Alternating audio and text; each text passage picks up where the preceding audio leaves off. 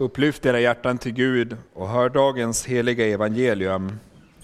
Så skriver evangelisten Lukas. Jesus sa till sina lärjungar, tecken ska visa sig i solen och månen och stjärnorna, och på jorden ska folken gripas av ångest och stå rådlösa vid havets och vågornas dån.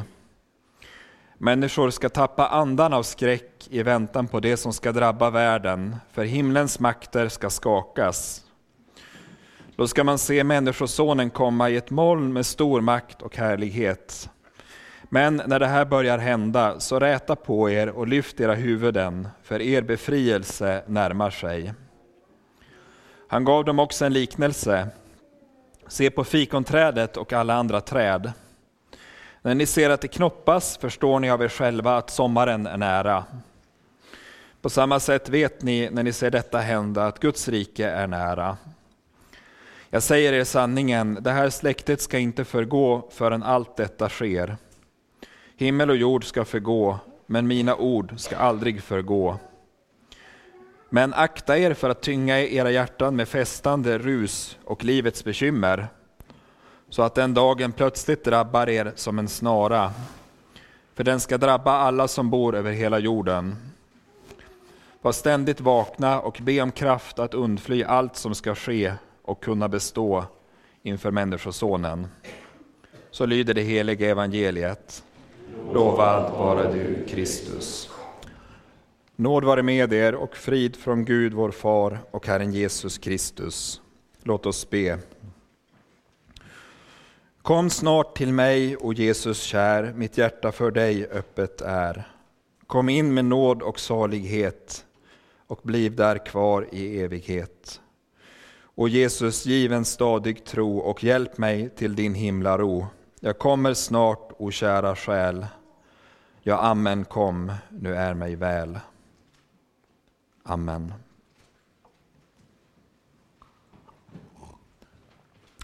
Så här i slutet på ett år så hör det till att man ser tillbaka på året som har gått. Vi gör det på våra arbetsplatser, man kanske gör det i skolan, ser tillbaka på terminen. Vad har vi lärt oss egentligen i höst? I media gör man det, i lokaltidningarna så utser man vem som har varit Västerbottens hjälte under eh, 2023. Hur blev egentligen 2023? Eh, jag tror aldrig jag har någonsin under mitt liv tidigare hört så många säga att vi lever i en osäker och en orolig tid. Det är en del som är äldre än mig här, jag vet inte, har ni hört det? Har ni någon gång tidigare, något år, så ofta hört någon uttrycka det här att det är en osäker och orolig tid? Det räcker att, att slå på nyheterna så hör vi om, om krig i Europa på närmare håll än vad vi har haft tidigare under mitt liv åtminstone. Vi hör om krig i Israel och Gaza. Vi hör om höjd terrorvarning i vårt eget land, om ökad gängkriminalitet, om stigande inflation och osäkert ekonomiskt läge. Och vi hör också om ökad psykisk ohälsa bland unga, bara för att ta några exempel. En osäker tid och en orolig tid. Jag tycker man märker att många människor också i vårt land, i vår, vår egen närhet, påverkas. Man är rädd och orolig för sin framtid. Hur ska det gå? Hur ska det bli i vårt samhälle för de barn och ungdomar som växer upp? Hur ska det gå med Sveriges säkerhet? Hur ska det gå med kriminaliteten? Hur ska krigen utveckla sig? Även vi som kristna kan dras med i den här oron. Hur ska det gå? Hur ska det sluta? Ja, hur ska det egentligen gå? Jesus talar i dagens evangelium om det. Så Jesu ord idag har oerhörd aktualitet också in i vår tid just nu med det osäkra världsläge som vi har. Det här är strax före att Jesus ska dö Jesus är i, i templet och undervisar sina lärjungar. Och I det här kapitlet så talar han först om, om den nära framtiden. Han talar om hur Jerusalem ska ödeläggas och, och templet förstöras. Och Jesus beskriver det väldigt detaljerat. Knappast var det någon i Jesu tid som tänkte att det skulle bli precis på det sättet, men några år senare, år 70, så, så blev det precis som Jesus hade sagt. Så blev det precis på detaljnivå så som Jesus hade sagt, att den romerska armén anföll Jerusalem. Judarna spriddes runt om i världen och, och eh, templet ödelades. Det blev som Jesus hade förutsagt. Men så talar Jesus inte bara om Jerusalems fall, men han talar också om det som ska hända längre fram, när Människosonen ska komma tillbaka. När den här världen, den här tidsåldern ska avslutas. Och den bild som Jesus ger, den är på många sätt mörk och fasansfull. För det Jesus säger, det är faktiskt att det ska bli ännu värre. Det ska bli ännu värre, säger Jesus. Han säger rent av att människor ska ge upp andan av skräck för det som ska hända i naturen, säger Jesus. Men på samma gång som det ska bli ännu värre och som Jesus tecknar en, en dyster bild av hur den här världen ska sluta, så ger han sina lärjungar en hoppfull bild för Jesus säger nämligen att för den som känner honom, för Jesu lärjungar så är det ljust. För Jesu lärjungar så är det ljust även när det mörknar omkring oss. För så närmar sig Guds rike. Guds rike är nära och snart kommer Jesus tillbaka. Snart ska Gud skapa nya himlar och ny jord där rättfärdighet bor. Inget mörker, ingen nöd och ingen ondska. Jesus talar om olika tecken som ska föregå hans ankomst. Det här gör Jesus på många ställen i evangelierna när han talar om sin återkomst. Och på andra ställen så talar Jesus om, om krig bland annat och han talar om förförelse som ska komma i den yttersta tiden. Men i den här texten så talar han om tecken i naturen. Tecken ska visa sig i solen, i månen och i stjärnorna och på jorden ska folken gripas av ångest och stå rådlösa vid havets och bränningarnas dån. Ty himlens krafter ska skakas, säger Jesus. Det ska alltså hända saker i naturen före Jesu återkomst. Himlens krafter ska skakas och det ska bli så starkt så att människor ska ge upp andan av skräck, säger Jesus. Och så kallar han det här för tecken Jag ska stanna inför det här först. Tecken, vad betyder det när Jesus talar om tecken? Vi ska först säga något om vad det inte betyder.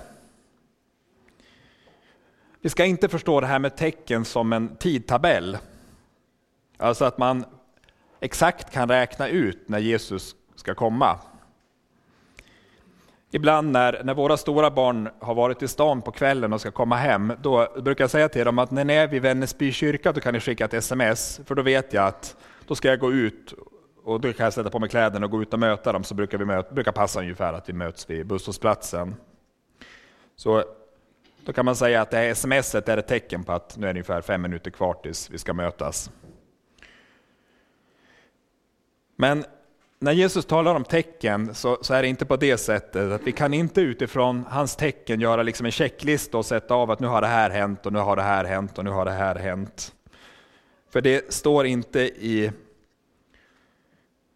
i vår makt att räkna ut exakt när han kommer. Jesus talar i en parallell text till, det här så säger han att om den dagen eller den stunden vet ingen något, inte änglarna i himlen, inte ens sonen, ingen utom Fadern. Hur kan man då tala om tecken, kan man tänka. Redan den tidiga kyrkan, de första kristna, de levde i sin tid och de såg det som hände i sin tid som tecken på att Jesu ankomst var nära. Och så har det fortsatt upp genom historien att kristna har i varje tid sett det som är runt omkring dem som tecken på, på Jesu återkomst. Och när vi läser de här orden av Jesus så kan det vara lätt för oss också att tänka på tecken i naturen som vi kan se i vår tid på jordbävningar, på tsunamis, vulkaner, följder av klimatförändringar, långvarig torka och så vidare. Så naturkatastrofer som fört med sig mycket lidande. När kommer Jesus tillbaka? Vi vet inte och vi kan inte räkna ut det. Men ändå säger Jesus att vi ska ge akt på tecknen. Och det han säger är att han kommer snart.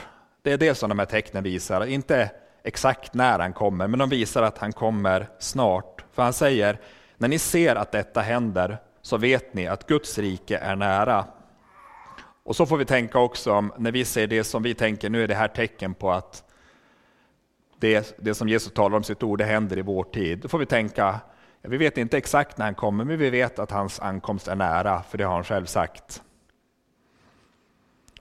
Vi lever i tiden mellan Jesu första ankomst och hans andra ankomst. Och, och så har vi kristna gjort ända från Jesu himmelsfärd när han steg upp till himlen, tills han ska komma åter. Det är den yttersta tiden. Den yttersta tiden det är inte bara som från 2023, utan det, det är hela den perioden, från Jesu himmelsfärd till hans återkomst. Så väntar Guds folk. Och under den tiden så uppmanas vi att vara beredda. Det är det Jesus säger. Så tecknen i naturen, de vittnar om att Jesus kommer snart. Men de visar oss också något mer. Tecknen visar oss att den här världens tid är utmätt, att den här världens tid är begränsad. I början, i skapelsen, när Gud skapade den här världen, då var det ju inga naturkatastrofer. Det står i skapelseberättelsen att Gud såg på allt som han hade gjort och se, det var mycket gott. Så då, vid skapelsen, då var världen en bra plats att leva på. Det var inga naturkatastrofer, det var inga tsunamis, det var inga jordbävningar. Men varför blev det annorlunda? Jo, det berodde på syndafallet. Syndafallet förändrade allt. När de första människorna, Adam och Eva, åt av den förbjudna frukten så kom synden in i världen. Och det fick katastrofala följder. För så kom ondskan in i världen, mörker och lidande kom in. Naturkatastrofer kom in i världen. Och så har det fortsatt. Så efter syndafallet så står den här världen, den här jorden som den ser ut, den står under Guds dom och den kommer att gå under.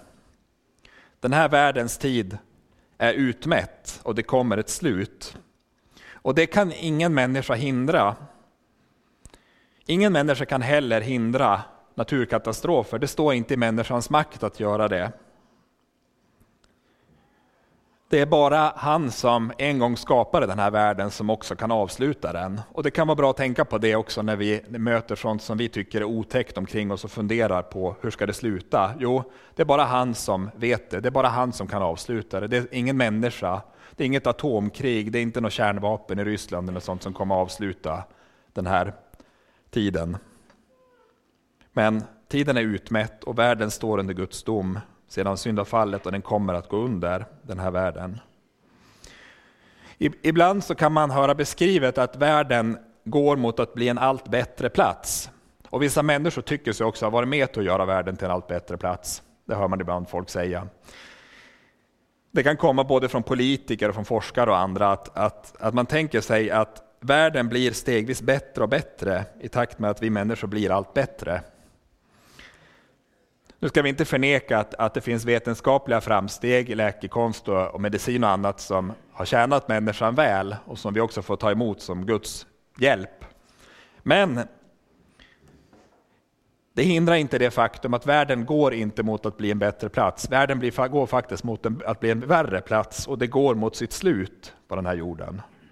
Och det är så vi får se också när det blir en orolig tid och när det är osäkert omkring oss, så vittnar det om att den här världen den är inte i liksom en långsamt uppåtgående kurva, utan det är faktiskt tvärtom. Den går mot sitt slut. Och det är här Jesu ord kommer in om att det ska komma naturkatastrofer så starka att människor ger upp andan av skräck. När, när människor möter oron omkring oss, så, eller möter otäckheter omkring oss, om det så är krig eller om det är naturkatastrofer, så är världens reaktion att fyllas med ångest och oro.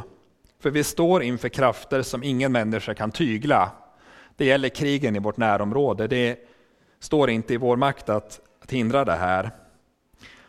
Ehm, och, och, Det är också så som världen reagerar när de ser tecknen. Att världen fylls med oro när de ser tecknen som Jesus beskriver. För de ser bara kriget, de ser bara naturkatastrofen.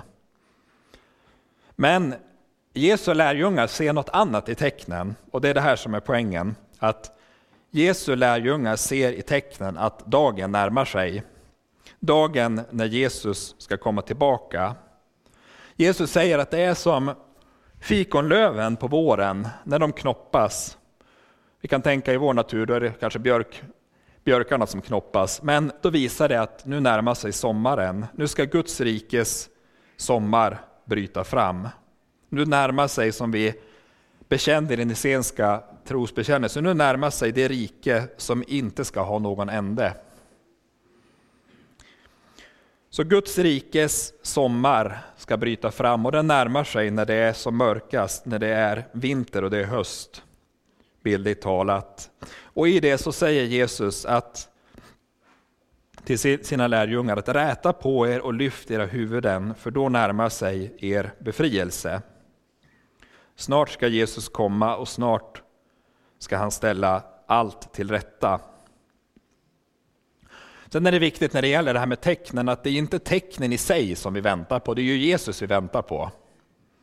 En del kan bli så upptagna av, av tecknen så att det är liksom det man på något sätt spanar efter. Men det är, vi väntar inte på tecknen, men vi väntar på Jesus, han som har tecknen i sin hand. Han som råder också över naturens krafter. Världen ser tecknen, de ser naturkatastrofer och fylls av rädsla, men vi ser honom som står bakom tecknen, honom som tecknen vittnar om. Och när vi därför ser naturkatastrofer till exempel och krig så ska vi tänka att, och då ska vi veta att nu kommer Jesus snart tillbaka. Nu kommer han för att göra slut på ondskan. Nu kommer Jesus snart med sitt fridsrike. Nu kommer han snart för att skapa nya himlar och en ny jord där rättfärdighet bor, där det inte finns någon ondska, där det inte finns någon synd, inga krig, ingen psykisk ohälsa, inget lidande, inga naturkatastrofer. I Jesaja bok så finns en, en profetia om fridsriket, om hur det ska bli, eh, om fridsriket som ska komma från telningen från Isais rot. Och I den här profetian så kan vi få en, något av en föraning. Vi kan inte föreställa oss hur det ska bli, men vi kan ändå kanske få en föraning. Det står i Jesaja 11.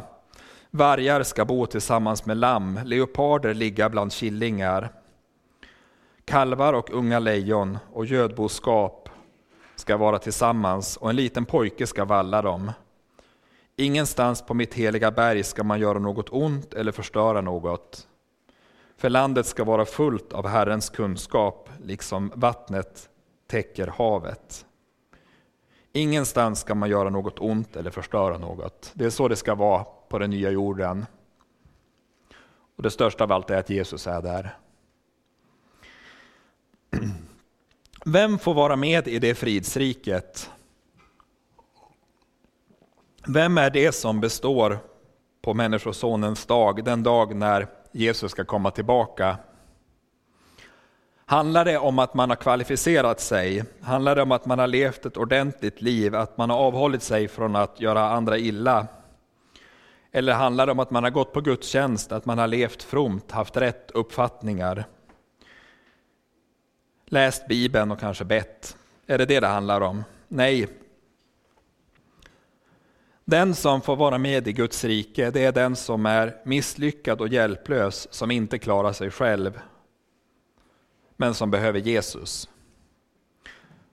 Den som får vara med i Guds rike, det är den som är misslyckad och hjälplös, som inte klarar sig själv, men som behöver Jesus. Jesus, Guds son, himlens kungason, han ödmjukade sig, han kom hit till jorden, han föddes i ett stall. Han tog vår synd och han bar den upp på korset. Han dog för den. Varför gjorde han det? Jo, han gjorde det för att vi skulle bli rika.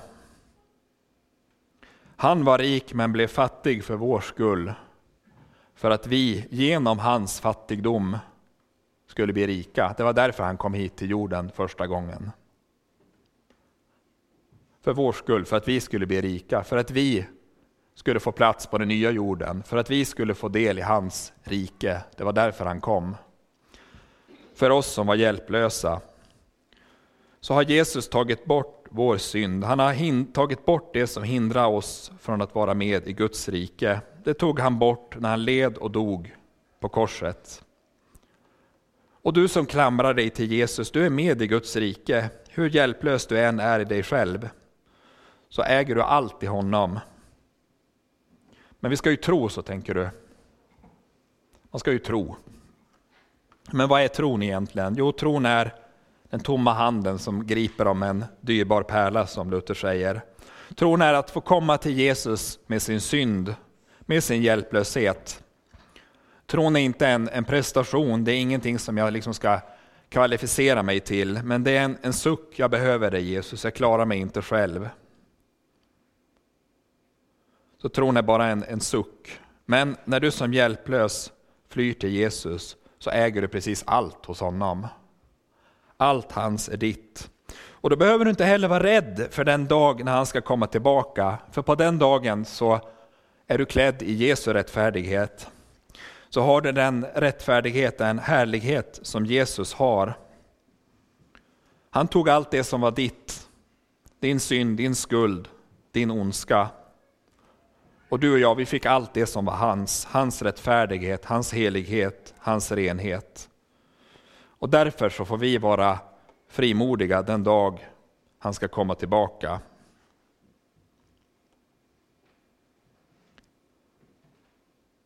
Paulus skriver i Kolosserbrevet att när Kristus träder fram, han som är vårt liv, då ska också ni träda fram i härlighet tillsammans med honom.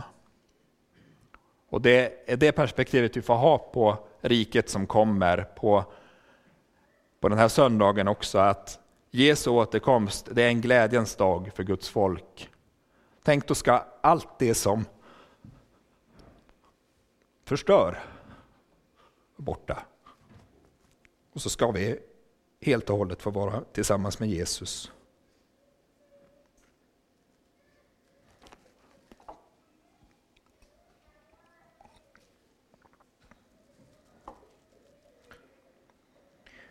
Eh, när Jesus talar om, med sina lärjungar om sin återkomst så innehåller det också en, en varning som vi får ta till oss och som är riktad också till Jesu lärjungar.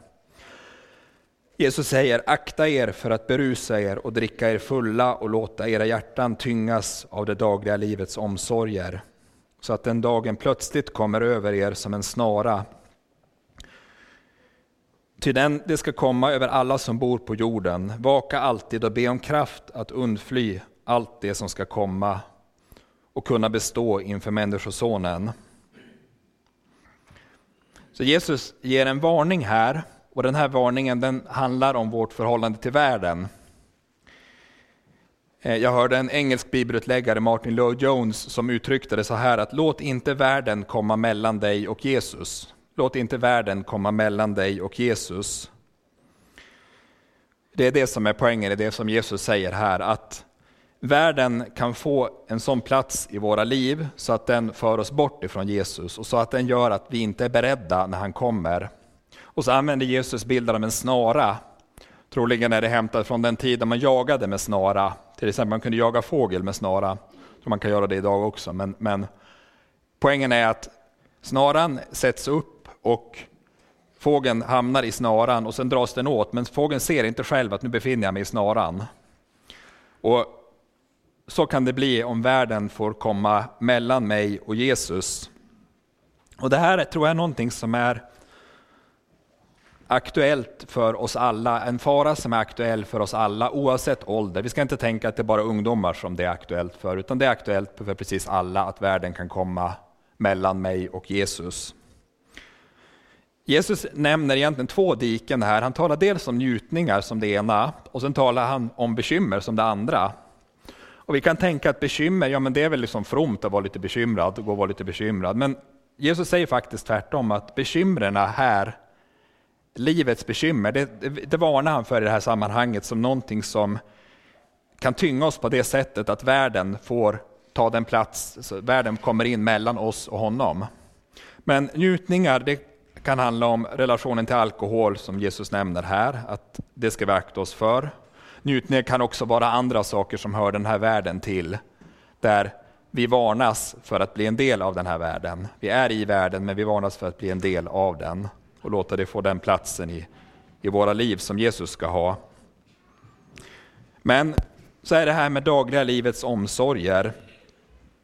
Kanske är det något som är ännu mer aktuellt när man inte är ungdom, alltså när man är lite äldre, att, att vi kan bli så upptagna av livet här, av hus, av familj, av bekymmer som vi kan möta i hem, arbetsplats och annat. Så att det blir så stort så att det tar platsen mellan mig och Jesus. Och då kan vi tänka som sagt att bekymmer, ja men det är väl inte så farligt att gå runt och vara bekymrad. Men Jesus varnar för att vi ska låta våra hjärtan tyngas av det dagliga livets omsorger. Och aposteln skriver, gör er inga bekymmer för något, utan låt Gud i allt få veta era önskningar genom åkallan och bön med tacksägelse. Då ska Guds frid som övergår allt förstånd bevara era hjärtan och tankar i Kristus Jesus. Så låt inte världen komma mellan dig och Jesus och så får vi var och en fundera på vad, vad det betyder i våra liv. Var står frestelsen i mitt liv? Var står frestelsen i ditt liv? Till sist, Jesus säger, himmel och jord skall förgå, men mina ord ska aldrig förgå. Det finns en sak som ska stå kvar när den här världen går mot sitt slut och allt annat försvinner. Det är Jesus och hans ord. Jesus kallar ju sig själv för Ordet. Jesus är Guds son, han är från evighet och han kommer att förbli i evighet. Så får vi som lever i en osäkerhet osäker tid nu 2023, en orolig tid. Vi får tänka att vi äger en sak som står fast och som är säkert mitt i det här och det är Jesus. Jesus står fast och hans ord har makt och det ska aldrig förgå. Och så kan vi också tänka på att det som Jesus sa skulle hända i templet, det hände med templet och det han har sagt ska hända den yttersta tiden, det kommer också hända. Så Jesu ord står fast när allt annat vacklar. Nu ska vi snart med manskören här sjunga sången Namnet Jesus och den handlar just om detta, om namnet Jesus, för där finns det frälsning för dig. Det finns hel och full frälsning för dig och för mig. Inget annat frälsa kan, men där finns också total frälsning. Och det namnet håller när allt annat vacklar. Genom nöden, genom natten lyser härligt Jesu namn. Seglaren på vilsna vatten leder det till tryggad hamn. Och när sol ej mer skall vara, Jesus namnet lyser än. Prisat av en talös skara, prisat högt i himmelen. Amen. Ära vare Fadern och Sonen och den helige Ande, så som det var av begynnelsen, nu är och skall vara, från evighet till evighet. Amen.